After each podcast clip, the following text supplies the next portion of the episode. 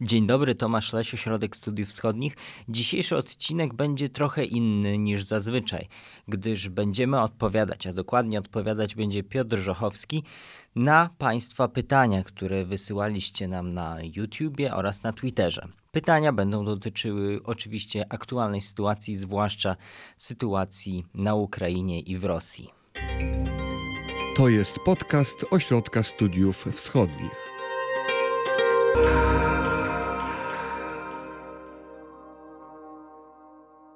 Dlaczego Rosja od razu nie zniszczyła linii kolejowych i autostrad prowadzących do Polski, skoro dzięki temu znacznie trudniej byłoby dostarczać zachodnią broń? Jeśli chodzi o taktykę e, działań rosyjskich, e, to zwraca uwagę, że od początku e, konfliktu przywiązują dużą wagę do niszczenia obiektów ukraińskiej infrastruktury krytycznej. Zast można się zastanawiać, dlaczego nie jest to robione w sposób masowy. Wyobrażamy sobie, wyobrażaliśmy sobie teoretycznie na początku konfliktu, że dojdzie do właśnie takich zmasowanych, precyzyjnych uderzeń rakietowych, które zniszczą wszystkie mosty, główne węzły y, komunikacyjne na Ukrainie, wszystkie bazy paliwowe, wszystkie składy amunicji. Y, I takie ataki mają miejsce, tylko y, one trwają już ponad 80 dni i nadal Rosjanie nie są w stanie sparaliżować logistyki ukraińskiej. Ataki w pobliżu granicy z Polską mają miejsce. Wielokrotnie atakowane były okolice Lwowa y, czy poligonu w Jaworowie. Y, można się domyślać, że Rosjanie y, chcieli właśnie w ten sposób zniszczyć dostawy broni, ale nie są w stanie tego zrobić w 100% skutecznie, dlatego że jak widzimy, dostarczana przez e, państwa zachodnie broń znajduje się już na froncie. Także Rosjanie e, po pierwsze nie mają chyba tak dużego potencjału, żeby zrobić zmasowany atak precyzyjny na, na, na wszystko, co jest na Ukrainie ważne. A z drugiej strony uderzają wtedy, kiedy prawdopodobnie są pewni, że akurat trafią i zniszczą taki cel, który jest ważny dla Ukraińców. Zagadkowe są na przykład ostrzały Odessy. Y, zastanawiamy się często, dlaczego są ostrzeliwane mm, ośrodki wypoczynkowe w Odessie. Y, czy to jest błąd, brak precyzji, czy też y, na przykład tam stacjonują jednostki ukraińskie. Rosjanie mają bardzo dużo celów, które by chcieli zniszczyć, ale no, w mojej opinii nie są aż tak precyzyjni, a też muszą trochę oszczędzać własne uzbrojenie. Jak wojna na Ukrainie wpływa na potencjał militarny Rosji? No jest na pewno dużym wyzwaniem y, dla armii rosyjskiej, y, dlatego że jak, jak, patrząc na to, jakie jednostki y, rosyjskie walczą, to Rosjanie cały czas na swój sposób oszczędzają siłę. Nie zaangażowali do wojny z Ukrainą więcej ludzi niż których liczbę znaliśmy jeszcze sprzed agresji, kiedy Rosjanie skoncentrowali siły na Białorusi i mm, w południowym czy zachodnim okręgu wojskowym. To zawsze oscylowało, ta kwota e, żołnierzy rosyjskich oscylowała mm, tak około 120-150 tysięcy no maksimum. E, I takie siły są zaangażowane w konflikt z Ukrainą. Oczywiście nie wszystkie naraz, bo są też potrzebne rezerwy, czy, czy, czy, czy, czy jest konieczna wymiana y, żołnierzy czy sprzętu ze względu na ponoszone straty. Y, Rosjanie y, muszą jednak stosować pewną taki, taką arytmetykę dotyczącą potencjału własnych zapasów i rezerw. W mojej opinii konflikt na Ukrainie jest konfliktem lokalnym E, a jego przebieg świadczy o tym, że Ukraina ma zostać e, jako państwo drastycznie osłabiona. Nie wiąże się to z zajęciem przynajmniej połowy jej terytorium nawet, e, a działania bojowe mają, mają wiązać cały czas i wykrwawiać armię ukraińską. Chcę też podkreślić, że w obecnej sytuacji politycznej sposób myślenia e, rosyjskich wojskowych nie jest związany tylko z Ukrainą. E, nadchodzące poszerzenie NATO, czyli Finlandia, Szwecja, no to jest duży problem dla, e, dla myślenia wojskowych Ukrai rosyjskich, którzy muszą, no, muszą planować jednak jakąś wojnę z NATO, czy liczyć się z takim konfliktem w Europie, co uniemożliwia im użycie, tak jak no, czasami w komentarzach czytamy pytania, czy, czy Rosjanie mają tak mało sił, że nie mogą zdobyć tej Ukrainy. Oni mają takie siły, tylko oni nie mogą ich użyć. Dlatego, że te siły są potrzebne zupełnie do czego innego. Nie mogą osłabić potencjału militarnego, które w jakiś sposób oddziaływuje na NATO, tylko uderzając na Ukrainę, ponieważ było to marnotrawienie sił. No ale tutaj przedstawiłem takie stanowisko, e, oczywiście, które uważam, że tak myślą, myślą wojskowi rosyjscy i, i dlatego, dlatego ta wojna na Ukrainie wygląda tak, jak wygląda. E, jej efektem, abstrahując od e, skuteczności działań, działań rosyjskich, jest utworzenie trwałego, wręcz poszerzenie trwałego obszaru niestabilności w Europie niezależnie co się stanie, czy dojdzie do zawieszenia broni, jakiegoś porozumienia politycznego, choć to jest, no, uważam, perspektywa, na którą y, bardzo długa perspektywa, y, to wiadomo, że kolejna linia rozgraniczenia sił rosyjskich i ukraińskich y, na, w, tym, w tym obszarze nie będzie strefą pokoju. A czy w przypadku porażki Rosji jest szansa, że Białorusini wykorzystają to, aby obalić Łukaszenkę?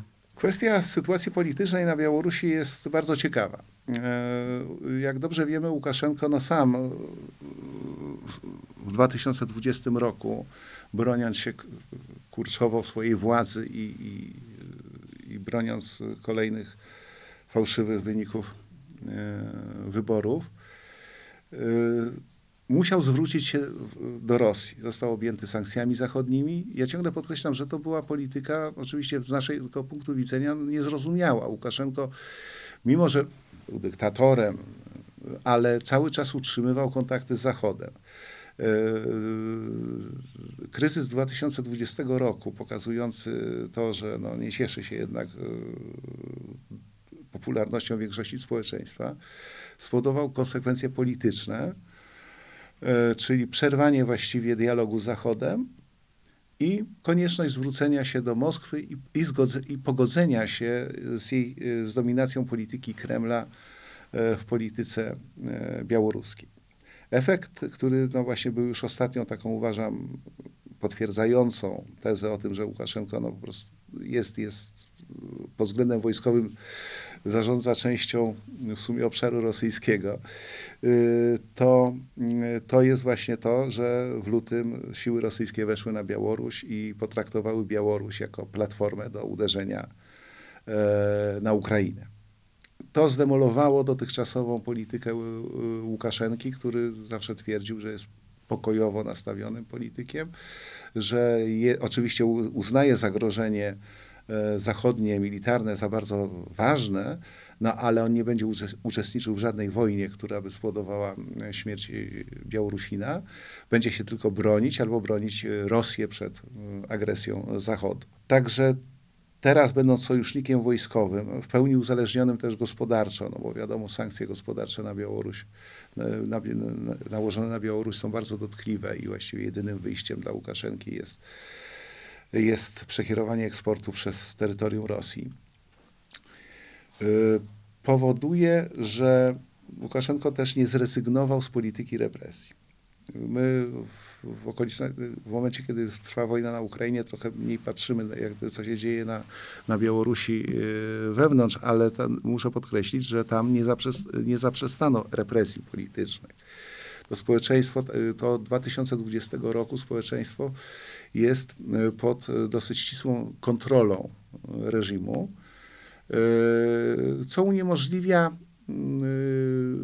uformowanie się jakichś sił protestu, ponieważ one, takie próby są gaszone w zarodku. Pewnym problemem dla Łukaszenki jest to, co jest jeszcze incydentem, ale ja to zawsze wiążę, że nie wszyscy Białorusini nie są, go, nie są gotowi stanąć z bronią w ręku i przeciwstawić się Rosji.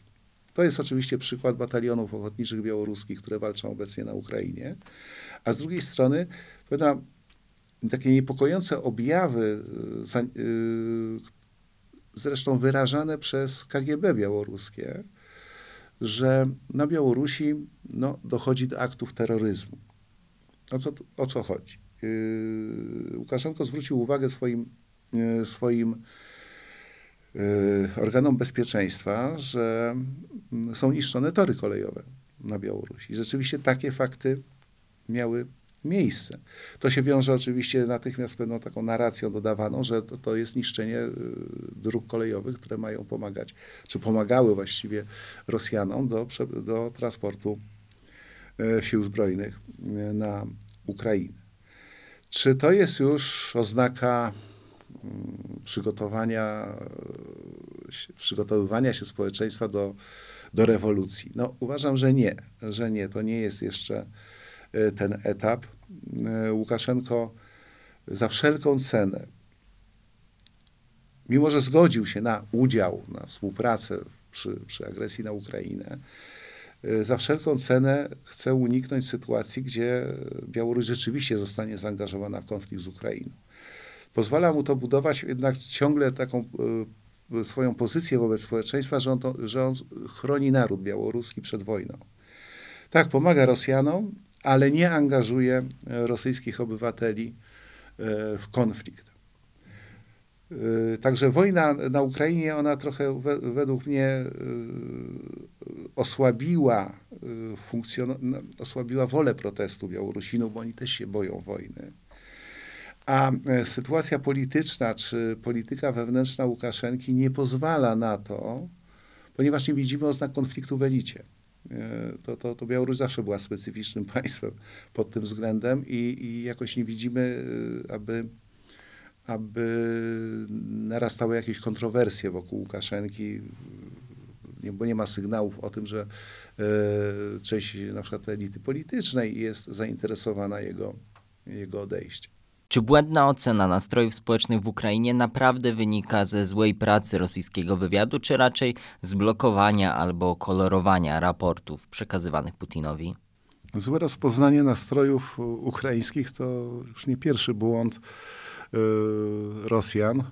Podobnie było w 2014 roku i ja myślę, że to jest pewna taka, takie ograniczenie mentalne, że jeżeli uznajemy, że Ukraina jest państwem sztucznym, właściwie to jest część wielkiego imperium rosyjskiego, do którego chcemy teraz wrócić, to zakodowany e, taki model myślenia o świecie zewnętrznym ograniczył percepcję e, zmian, które zaszły na Ukrainie.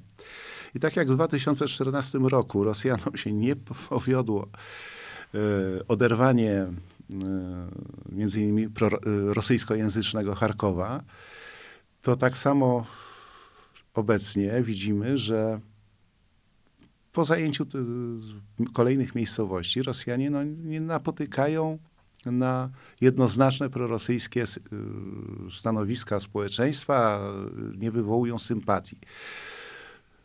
Kolaborujący z nimi ludzie pochodzą rzeczywiście z kręgów politycznych, y, które były zawsze prorosyjskie i widziały w Rosji partnera przede wszystkim gospodarczego, ale również politycznego ale w istocie ich wpływy zmniejszyły się w sposób radykalny. Związane to jest również z tym, że w ostatnim roku no, Załęski dokonał trochę wyczyszczenia sceny politycznej z ugrupowań prorosyjskich, ale też, co ciekawe, ograniczenie ich działalności nie wpłynęło jakoś negatywnie na ocenę samego Zełęńskiego. Pojawiły się hasła, że niszczy demokrację na Ukrainie, e, czy ogranicza wolność słowa, e, bo, ponieważ również przecież media prorosyjskie zostały na Ukrainie zakazane. E, dlatego Rosjanie, uważam, popełnili błąd mentalny. Uważali, uważali, że te zmiany, które są obserwowane, są powierzchowne, w istocie język rosyjski stanowi dla Ukraińców jakąś wartość kulturową i obszar tego państwa no, można bardzo prosto anektować i, i stworzyć kwitnącą część Rosji. Co do służb, tu oczywiście musimy trochę rozdzielić dwie sprawy, bo jeżeli chodzi o budowanie zaplecza politycznego na Ukrainie, były obserwowane jeszcze przed agresją takie działania rosyjskie budowano różne scenariusze, że Rosjanie przede wszystkim chcą stworzyć jakieś zaplecze polityczne prorosyjskie, które będzie odgrywało coraz większą rolę w Radzie Najwyższej, a trudności ekonomiczne ukraińskie czy narastający krytycyzm wobec prezydenta Załęskiego e, pozwoli e, tym ugrupowaniom zwiększyć swoje znaczenie polityczne. Wojna pokazała, że Rosjanie nie zbudowali trwałej reprezentacji politycznej, którą mogliby wykorzystać. Zresztą uważam, że w warunkach wojny praca takiej agentury politycznej jest bardzo trudna, wręcz e, niemożliwa, ponieważ no, wojna wyklucza e, jednak życie polityczne, które e, rozwija się swobodnie, i, i, i, a Rosjanie będą mogli swobodnie inspirować swoich wielbicieli, aby podejmowali jakieś kroki polityczne delegalizacja partii prorosyjskiej jest takim właśnie e, przykładem, że no, nawet jeżeli to była silna agentura rosyjska, natychmiast jej możliwości zostały zredukowane do, e, do minimum. E, kolejna sprawa to jest to, że FSB, które rozbudowywało sieć agenturalną na, na Ukrainie, było bardziej zainteresowane moim zdaniem e, przede wszystkim y, budowaniu takiej dużej fikcji, y, tak jak zresztą wie, wiele służb specjalnych robi, buduje fikcję swojego, swojej wszechobecności. I, ale wojna właśnie pokazała, że nawet te działania nie, nie, nie okazały się skuteczne. Drugą za to sprawą, która jest pewnym problemem y, dla Ukraińców, to jest to, że wywiad wojskowy rosyjski jednak zbudował pewną e, sieć, e, ja to określam słowem sygnalistów, czyli ludzi, którzy informują o tym, co się dzieje na zapleczu e, armii rosyjskiej, czy podaje lokalizację obiektów infrastruktury krytycznej, składów broni, czy tras transportu tejże broni do jednostek ukraińskich. I tutaj SBU swoimi działaniami potwierdziło, że to jest duży problem, ponieważ ciągle są zatrzymywani ludzie, którzy takie informacje e, przekazują. Tylko podkreślam, to są informacje dotyczące rozpoznania wojskowego, więc tej strony militarnej. E, za to no, nie ma to znaczenia politycznego. Wszelkie, a wracając jeszcze do działalności FSB, po kilku tygodniach wojny e, okazuje się, że Rosjanie rozlokowali jakieś grupy ludzi w poszczególnych obwodach ukraińskich, którzy mieli e, by wystąpić czy zorganizować demonstracje prorosyjskie, ale to się nie udało. To się nie udało, to nie miało miejsca, czyli jeśli mówię na przykład o demonstracjach prorosyjskich, e, to nie miało miejsca, dopóki nie wkroczyły po prostu siły rosyjskie i e, też jak patrzy, patrzymy na to, co się dzieje na przykład w Hersoniu, to Rosjanie mają trudność nawet zbudowania takiego trochę fejkowego wizerunku poparcia dla Rosjan, ponieważ no, społeczeństwo, mówiąc delikatnie, jest obojętne, jeśli nie wrogie wobec Rosji. Jak bardzo możliwe jest wykorzystanie służb do kształtowania nastrojów prorosyjskich w zajętych regionach za pomocą przesiedleń i rozwiązań z wojny w Czeczeni? Y, kwestia postępowania okupanta jest bardzo ciekawym przypadkiem pokazującym, jak Rosjanie podchodzą do budowania tak zwanej nowej rzeczywistości na, na zajętych obszarach.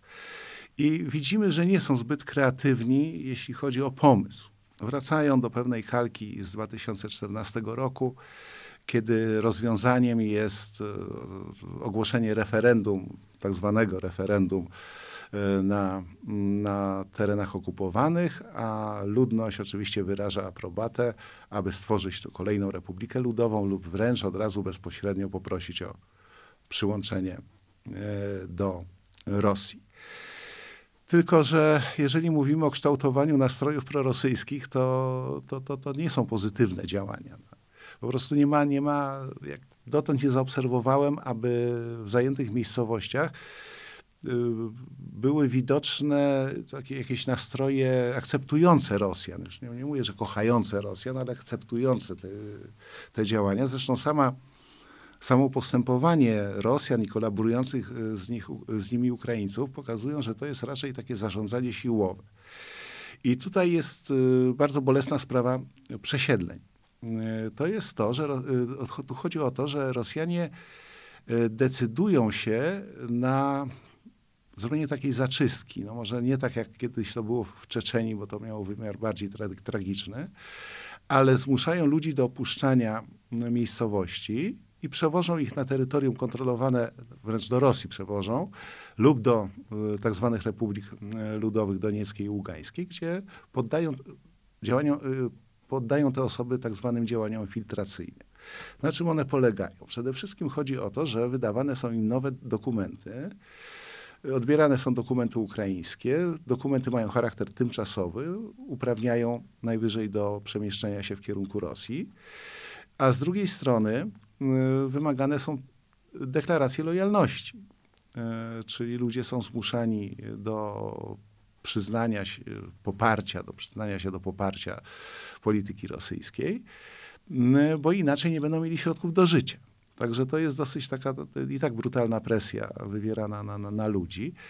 W ocenie, zresztą Ro, Rosjanie twierdzą, że i co Ukraińcy też potwierdzili, że zostało wysiedlonych z Ukrainy ponad milion sto tysięcy ludzi, a Rosjanie dodają, że mają rzekomo deklarację dwóch milionów siedmiuset tysięcy osób, które wyraziły zgodę na przesiedlenie do Rosji. Tu jest pewien oczywiście fałsz, dlatego że ja chcę przypomnieć, że od połowy lutego y, trwa cały czas trwa ewakuacja ludności cywilnej z Donie, tak zwanej Donieckiej i Ługańskiej Republiki Ludowej. Rosjanie oczyszczają z ludności cywilnej, ten, południe Ukrainy ewidentnie. Ma to część, uważam, ma to związek część z operacją wojskową, a z drugiej obawiają się, że,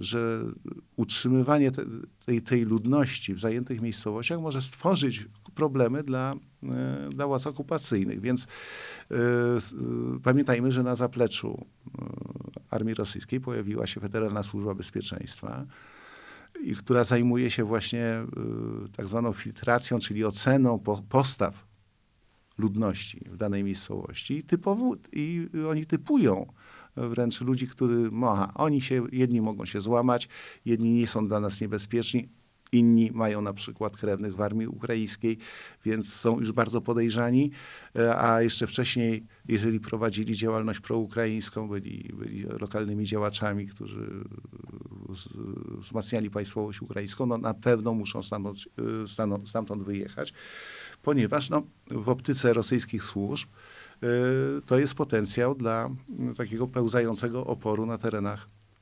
okupowanych jakie de facto są straty ukraińskie w ludziach i sprzęcie. Porównując komunikaty Sztabu Generalnego Ukrainy i rosyjskiego Ministerstwa Obrony, muszę stwierdzić, że no, nie są one zbyt wiarygodne. Yy, także trudno analizować dane podawane oficjalnie, dlatego że tutaj E, uznaje te informacje jako świadomą politykę informacyjną, mającą no, pokazać, e, pokazać e, przeciwnika w złym świetle. I to dotyczy Rosjan wobec Ukraińców i Ukraińców wobec Rosjan. Straty są ewidentnie zawyżone. Chcę też, właśnie, chcę też zwrócić uwagę, że Rosjanie długo nie mówili o własnych stratach. Podali je dwukrotnie i one są minimalne, sięgają 2000 ludzi. E, za to e, Ukraińcy mówią, że Rosjanie stracili już ponad 20 tysięcy ludzi. E, no tutaj by trzeba tak trochę na logikę wziąć ilość strat, bo, bo zawsze historia każdej wojny pokazywała, że bieżące komunikaty stron no, były właśnie częścią pewnej wojny informacyjnej, A po zakończeniu konfliktu dochodziło, dochodziło do takiej sytuacji, że rzeczywiste straty wynosiły trzy razy mniej, albo nawet cztery razy mniej. Także y, tutaj ja nie jestem po prostu zdolny odpowiedzieć na to pytanie precyzyjnie, ale dla mnie nawet podzielenie, czy tam rzucanie kolejnych cyfr ma mniejsze znaczenie niż to, że Rosjanie rzeczywiście ponieśli bardzo duże straty, uważam, ponieważ mm, musieli zmienić koncepcję operacji wojskowej. U, Ukraińcy ponieśli również duże straty, no bo byli cały czas w obronie i to dosyć zaciętej obronie. Teraz momentami nawet przechodzą do kontrataku. Jest kwestia y, też rozważenia, jakie są rezerwy ludzkie obu państw. No, y, y, władze Ukrainy podkreślają, sam prezydent to powiedział, że oni mają potencjał mobilizacyjny wysokości miliona ludzi. I to jest taka granica, granica wytrzymałości systemu obronnego Ukrainy, jeśli pod względem e, potencjału ludzkiego. Rosyjska armia na papierze liczy milion sto tysięcy. No, zakładamy, że w istocie w jednostkach jest około 700-800 tysięcy e, ludzi potencjał mobilizacyjny ma o wiele większy e, Rosja i, i tutaj ta przewaga, ale to znowu jest arytmetyka, która pokazuje, że ona może często mylić. Tak, Rosja jest silniejsza potencjalnie, bo takie mamy cyfry, na pewno ma więcej rakiet e, niż Ukraina, ale potem patrzymy na pole bitwy i patrzymy, że ta przewaga, która jest taka potężna, no nie daje efektu. Sama liczba nie, nie daje zwycięstwa. Rosja grozi odpowiednimi krokami, jak Finlandia wstąpi do NATO. Jak to rozumieć? Czy są w stanie otworzyć kolejny front, a jeśli tak, to jak to się przełoży na cały świat? Rozszerzenie NATO państwa skandynawskie jest na pewno ciosem dla polityki rosyjskiej. Powiem przekornie, że no, gdyby nie wojna na Ukrainie, to by NATO się nie rozszerzyło. Także plan Putina jest rzeczywiście skuteczny. To jeżeli on założył, że z agresją na Ukrainie zdekonstruuje system bezpieczeństwa europejskiego, bądź go zmodyfikuje, to rzeczywiście zmodyfikował, tylko na swoją niekorzyść. Y, pod względem wojskowym to jest duży problem y, dla Rosji, choć Rosja zajmuje trochę, nasz oficjalny Kreml zajmuje trochę takie złożone stanowisko. Z jednej strony mówi, hmm, no Finlandia w NATO, my nie mamy sporów terytorialnych, jakoś to przełkniemy. No, za to wojskowi tradycyjnie rosyjscy mówią, no to spowoduje rozmieszczenie kolejnych jakichś instalacji wojskowych e, na północy e, Rosji. E, także oczywiście to jest w myśleniu rosyjskim, jest to, jest to pojawienie się nowego frontu konfliktu z NATO. No, bo dlatego, że Finlandia miała, prowadząc przez wiele dziesięcioleci politykę no, dialogu z Rosją i choć Pamiętajmy o tym, że Finlandia prowadząc dialog z Rosją przygotowało państwo do totalnej obrony. A teraz tylko e, pieczętuje, pieczętuje swoją obecność e, w e, koncepcji bezpieczeństwa euroatlantyckiego. Także Rosjanie no, będą musieli, no, będą zachowywać ten potencjał wojskowy właśnie, no, żeby pokazywać, że są obecni, że mają zdolności wojskowe w tym regionie mogą, mogą wejść w jakiś konflikt zbrojny, bo mają taki potencjał, ale to też, tak jak już mówiłem wcześniej, bardzo utrudnia te działania na Ukrainie, no, no bo to wiąże siły, tak? Nie wiem, na ile rozbudowują więcej, bo to, to, to zobaczymy, czy Rosjanie mają jeszcze taki, y, będą teraz w takiej sytuacji kryzysu gospodarczego y, mogli szybko do, dozbroić E, dozbroić jednostki, a po pierwsze stworzyć nowe. E, to czas pokaże, no ale będą na pewno do tego dążyć. Czy obecne działania wojenne mogą wrócić do centralnej, a może nawet zachodniej Ukrainy? To zależy oczywiście od wielu e, czynników. Przypomnijmy sobie, że no, pierwsze założenia operacji rosyjskiej, tak jak je ocenialiśmy, czyli w momencie wejścia, wejścia wojsk rosyjskich mm, od strony Białorusi i skierowanie ich w stronę Kijowa wskazywało, że zależy im na, na, przynajmniej na otoczeniu Kijowa. Ja uważam, że chodziło im przede wszystkim o to, żeby władze, władze ukraińskie uciekły z Kijowa. Żeby Kijów przestał być stolicą. I to by było wystarczającym takim celem politycznym. Proszę bardzo, Kreml pokazał, y, ekipa Załańskiego uciekła na zachód Ukrainy. Kijów, rosyjskie miasto, zosta- pozostawili, pozostawili e, same sobie. Ten scenariusz się nie zrealizował w wyniku, y, w wyniku no, no, dużego oporu i skutecznego oporu mm, sił ukraińskich. Rosjanie, ponosząc duże straty, zdecydowali się odejść z tego kierunku zupełnie i jakby przeformatować, zminimalizować swój plan wojskowy. Dlatego y, to, i to potwierdza teraz to, co obserwujemy dzień po dniu. Walki toczą się w granicach obwodu donieckiego, ługańskiego. Prowadzone są ostrzały Mikołajowa, Krzywego Rogu, w rejonie Zaporoża. Wygląda na to, że Rosjanie za wszelką cenę chcą domknąć ten kocioł y, donbaski. No i wtedy będą mogli ogłosić zwycięstwo y, i dokonać częściowego rozbioru Ukrainy. S- I nie, I nie wygląda, przynajmniej obecnie, że mm, Rosjanie będą w stanie kontynuować ofensywę w centralnej Ukrainie, czyli wyjść na Kijów, czy nawet czy zdobyć Odessę. To y, by zmuszało ich rzeczywiście do uruchomienia kolejnych rezerw wojskowych i ściągnięcia jednostek i użycia jednostek, które dotychczas nie zostały użyte. Tu chodzi przede wszystkim o, o, o zachodni okręg wojskowy y, czy południowy okręg wojskowy. Y, To są te siły, które są trochę trzymane w rezerwie. Cały czas to rozmawialiśmy o, o tym kontekście natowskim. Minimaliz- znaczy powracając do takiego planu minimum, y, Rosjanie no, chcą opanować południe i, część wschodniej Ukrainy, ale też wykonują ruchy, które świadczą o tym, że rzeczywiście nie planują y, większej ofensywy. Po pierwsze, nie ściągają rezerw. Te obecne siły nie są wystarczające, trzeba przyznać od razu, do, i nie było od początku do zajęcia Ukrainy, czy nawet większej jej części. To musiało być, chyba że popełnili y, fałszywe założenie, że nie ma armii ukraińskiej ona nie będzie stawiała oporu, tylko się rozpierzchnie. Wtedy tak, no ale to nie miało miejsca.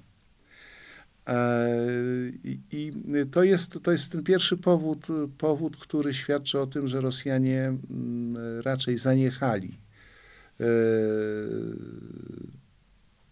ofensywy kolejnej. E, Jeśli chodzi o sytuację, na, oni osiągnęli również inny cel, chcę przypomnieć, bo mówimy często o planie zajęcia Odessy, wyjścia do Naddniestrza, ale z drugiej strony Rosjanie skutecznie blokują porty ukraińskie.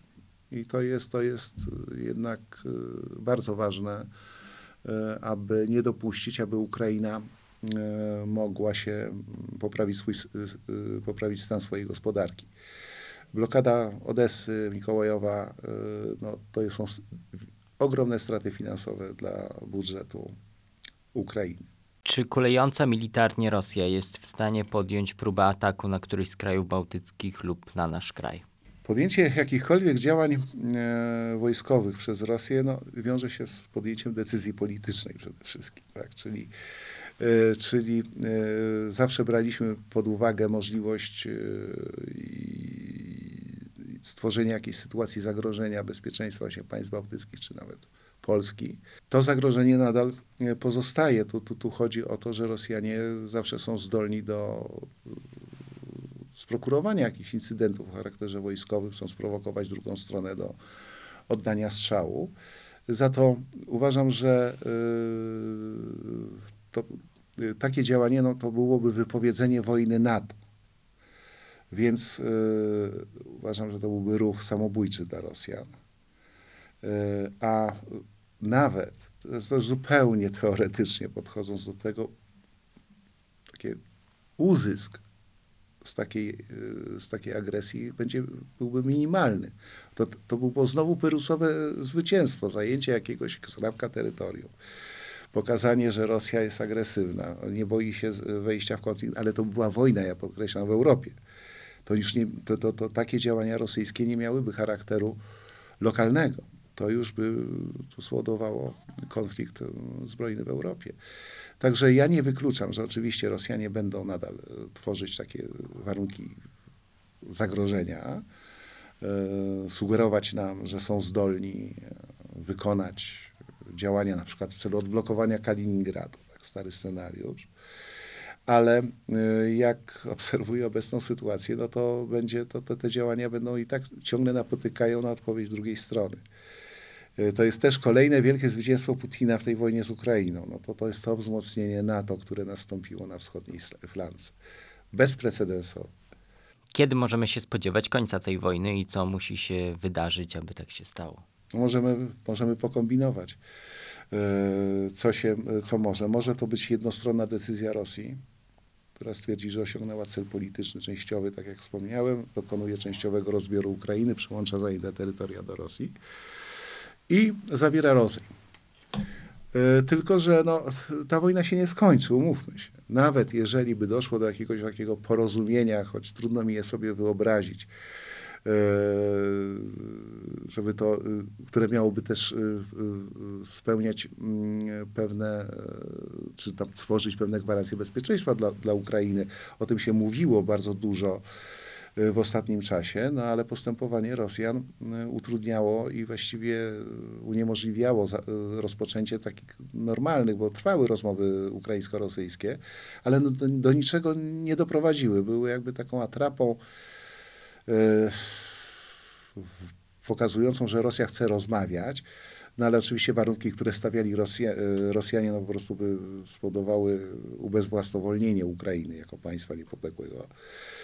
E, Także, także porozumienie polityczne jest, jest bardzo trudne do osiągnięcia. Wymagało jednak ustępstw e, wobec Rosji. No ja nie wykluczam, że Rosjanie zmęczeni trochę m, wojną i, i, i, i mając też takie zadowolenie wewnętrzne, że i tak znowu udało im się zdestabilizować całą Europę i będą to nadal robić tylko w innych fo- formach i pokazali, że są tutaj mocarstwem, który te, te, te, te, figurki y, znowu porozstawiał na szachownicy, tylko no, korzyść powiedzmy jest bardzo wątpliwa z tego, co, co przyniosły ich działania. Także ja y, nie mogę y, zadeklarować, y, nawet powiedzieć, że ta wojna się skończy. Dlatego, że no, mieliśmy już tą sytuację od 2014 roku. No niby wojny nie było, ale ona cały czas trwała. Teraz jest, uważam, bardzo podobnie, skala tylko jest większa, i, jeśli chodzi o zaangażowanie militarne rosyjskie. Za to e, c- y, muszę przypomnieć jedną rzecz. No, Kreml w swojej polityce, takiej też również historycznej, no, uważa Ukrainę za coś, co stwarza bardzo duże zagrożenie dla Rosji przez, przez posiadanie niepodległości że ta Ukraina, ona jest częścią, była częścią Imperium Rosyjskiego. Musi być y, również państwem, y, które po części musi należeć do tego ne, neoimperium, a z drugiej strony Ukraina jako państwo postsowieckie no, dawała tak zły przykład dla społeczeństwa rosyjskiego, bo to mm, nie czarujmy się, y, Ukraina odniosła jednak duży sukces transformacyjny. To, to stała się państwem wręcz zachodnim. I to jest na terytoriach, i to się stało na terytoriach, które Rosja uważa za własne. No to jest, to jest po prostu niedopuszczalne. To, to, to burzy porządek świata. Dlatego zwracam na ten wątek y, y, uwagę, ponieważ upór Kremla, który jest przekonany, że, to, że sytuacja na Ukrainie musi być zarządzana przez nich, no nie pozwala mi być optymistą, jeżeli chodzi o to, że y, pokój szybko zapanuje. Czy jest możliwy scenariusz podziału Ukrainy na dwa państwa po zakończeniu wojny? To był scenariusz taki modelowy też, który już w 2014 roku był tak brany pod uwagę. No tutaj obecnie uważam, że to nie będą dwa państwa, e, dlatego że w sumie ta koncepcja Noworosji Rosjanom nie wypaliła, e, a e, ciągoty neoimperialne raczej ich zachęcają do tego, żeby terytoria zajęte po prostu anektować i powiększyć obszar terytorialny Rosji. Czy realny jest scenariusz rozpadu Rosji? Pamiętam koniec lat 90. To wtedy rozważano dosyć poważnie e, tą kwestię, tylko musimy sobie tak przypomnieć, jak wtedy Rosja wyglądała i o co właściwie chodziło i dlaczego się pojawiła e, ta teza. E, Rosja końca lat 90. była pogrążona w gigantycznym kryzysie gospodarczym. Władza centralna była relatywnie słaba. Rosła rola ośrodków regionalnych, czyli dużych podmiotów terytorialnych Rosji, na przykład Władywostoku, czy tak jak pamiętamy w Kaliningradzie też myślano o zbudowaniu drugiego Hongkongu. Yy, Chodziło o to, że słabość władzy centralnej pozwalała na to, że władze lokalne mogły kreować do pewnego stopnia kon- kontakty gospodarcze z zagranicą. I tutaj Władywostok, Japonia, czy Kaliningrad, Niemcy, czy, czy, czy kraje Unii Europejskiej. To wzmacniało gubernatorów, którzy mogli poprawiać sytuację gospodarczą w swoim regionie, a nie, i to bez pomocy Rosji, Moskwy. Yy, Wtedy roz, zaczęto tak myśleć, a może y, Rosja się rozpadnie, tak Syberia się odłączy, ponieważ poczuje się silna gospodarczo. No nie powiodły się te plany. Dlaczego? Dlatego, że końcówka prezydentury Jelcyna to jest właśnie początek Putina. I, I to, że system otrząsł się y, z kryzysu y, przede wszystkim administracyjnego, a powoli zaczął wychodzić z kryzysu gospodarczego. I tak jak pokazał potem, po, pokazuje to nam kolejne te okresy prezydentury Putina, y, pierwszym takim działaniem, żeby opanować sytuację w kraju, była, y, było opanowanie właśnie przez ludzi postawionych przez Kreml wszystkich ośrodków regionalnych y, władzy. Tam zawsze, to jako taka, taka anegdota, to tylko przypomnę, że zawsze za, zastępcą gubernatora był ktoś z FSB. Oni odzyskali kontrolę nie doszło do implozji wewnętrznej mm, w Rosji. Czy teraz, ze względu na kryzys gospodarczy, który y, dotyka Rosję, pojawią się takie mm, pomysły? Uważam, że nie, dlatego że ten system y, polityczny został skutecznie zmieniony. I y, dopóki nie dojdzie do kryzysu, do kryzysu władzy na Kremlu, to y, nie będziemy mogli rozmawiać Yy, znaczy do, będziemy dopiero wtedy się zastanawiać, yy, czy yy, Rosja przetrwa. Przetrwa, moim zdaniem przetrwa, bo dlatego, że nie ma tendencji odśrodkowych. Tutaj wtedy one miały, nie, ten, ten, nie, nie, nie rozmawiano wtedy nawet bardzo, niektórzy też mówili, że no, bo to jest federacja składająca się z wielu narodów, mm, republiki autonomiczne będą się emancypować i tak dalej, no to się nie stało. Kreml jednak zachował kontrolę, e, kontrolę nad tymi republikami. No, jedyną powiedzmy taką mm, różnicą to, to jest Czeczenia, kiedy, e, kiedy Rosja mu jednak pozwoliła się na czeczenizację e, tej republiki przez Kadyrowa, ponieważ kontrola Moskwy tam jednak już nie sięgała. Dlaczego Nawalny jeszcze żyje? Dlatego, że jest więźniem politycznym numer jeden. Ma pokazywać y, społeczeństwu, że założenie ruchu opozycyjnego w Rosji jest po prostu niemożliwe, a kara jest dotkliwa. Jaki jest stosunek społeczeństwa Ukrainy do Białorusinów? Czy traktują ich jako sojuszników Rosji, czy, na, czy jako zniewolony naród, w rzeczywistości Rosji niechętny? Raczej to drugie. Pomiędzy Białorusinami a Ukraińcami nie ma jakiegoś, jakiejś wrogości, jakichś zaszłości historycznych, negatywnych. Y, Białorusini podchodzą do Ukraińców no, jako do sąsiadów. Y, Społeczeństwo białoruskie raczej jest przyjazne wokół, wobec wszystkich. I, i tam i, i w tej swojej masie. Tak samo i Ukraińcy no, y, nigdy nie widzieli w Białorusinach wroga. Wiadomo, że nawet jeszcze w czasach pokoju no, utrzymywali kontakty z Łukaszenką bardzo długo. E, Ta polityka, nie zerwali kontaktów handlowych do, z Białorusią przez wiele lat i dopiero wojna przekreśliła to wszystko. Mm, Także mm, raczej, jeżeli to się przychylam do tej opinii, że raczej patrzą na, na Białorusinów jako naród zniewolony. Czy Ukraina przeprowadziła lub podjęła próby oczyszczenia swoich służb z kadr sowieckich? No, od chwili powstania SBU no, minęło 30 lat i, i przez ten czas no, ta służba przechodziła mm, różne koleje losu, podobnie jak i wywiad mm, tak zwany cywilny i wywiad wojskowy. Jeżeli chodzi o pojęcie, takie, pojęcie dekagebizacji, no to wiadomo, że wiek i różne wydarzenia polityczne przez te lata oczyściły służby. To one nie, nie, nie mają jakichś złogów y, z lat y, funkcjonowania KGB sowieckiego. I pewnym problemem, który tak jak patrzymy z tej perspektywy, mówię kilkudziesięciu lat już, to jest to, że y, często dochodzi do, do, do ujawniania y, agentów rosyjskich w tych służbach. To zagrożenie jest stałe. Wiadomo, że, że działalność służb y, jest bardzo, jest takim obszarem bardzo wrażliwym, gdzie również zahaczają się interesy ekonomiczne. E, interesy finansowe. No, to, to, to, to współpraca często z Rosjanami e, dotyczy, dotyczy po prostu robienia interesów. Także e, do ostatnich miesięcy, tak jak patrzyłem na to, co oczywiście komunikowało nam samo SBU, kontrwywiad, to kwestia agenturalności agentów rosyjskich w strukturach siłowych jest problemem, choć no, nie gigantycznym. Y, Rosjanie, co można teraz skomentować w ten sposób, y, że ponieważ się przygotowywali do agresji, przez ostatnie przynajmniej dwa lata nasilili y, werbunek ludzi związanych z siłami bezpieczeństwa czy armią ukraińską, Gwardią Narodową. Ujawniano takich ludzi, którzy przekazywali informacje dotyczące po prostu rozbudowy sił ukraińskich, taka typowa informacja wywiadowcza pokazująca, jak wygląda w rzeczywistości potencjał Ukrainy.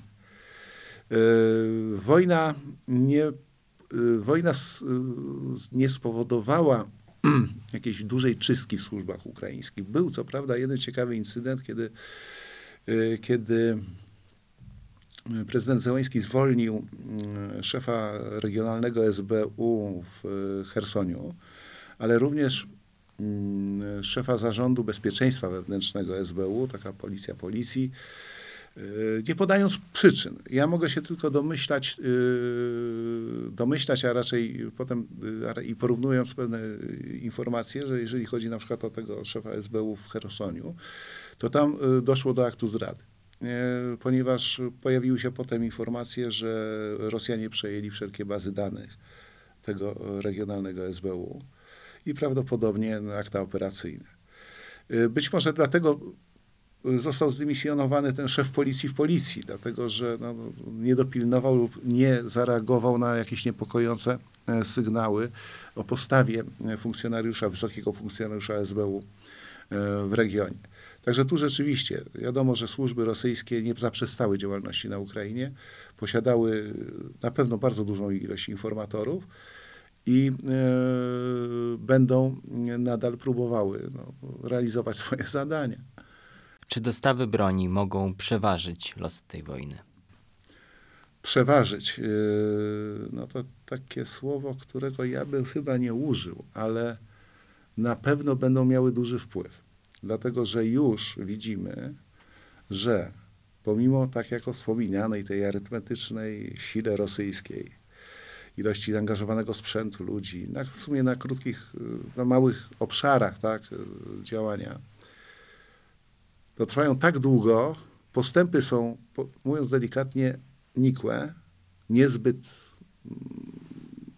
niezbyt duże, a po części y, Rosjanie przedłużając ten konflikt, no, spowodowali to, że zwiększyła się pomoc wojskowa Zachodu. Ja nie wiem, naprawdę, bo, bo na moją logikę y, przedłużenie tego konfliktu no, jest bezsensowne, dlatego że Rosjanie umożliwili co widzimy tak, dzień po dniu, na to, żeby Ukraińcy dostali broń, szczególnie chodzi o broń artyleryjską, która niweluje postępy rosyjskie i stwarza coraz większe kłopoty na froncie.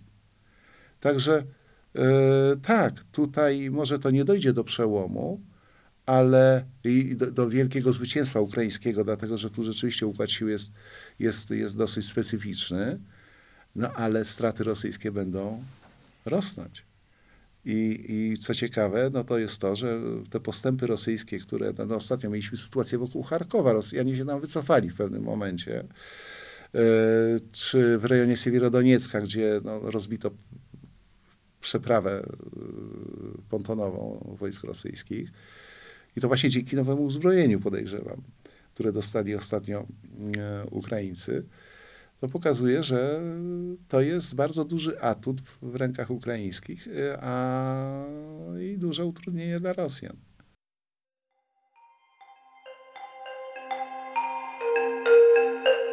Wysłuchali Państwo podcastu Ośrodka Studiów Wschodnich. Więcej nagrań można znaleźć na stronie www.osw.waw.pl.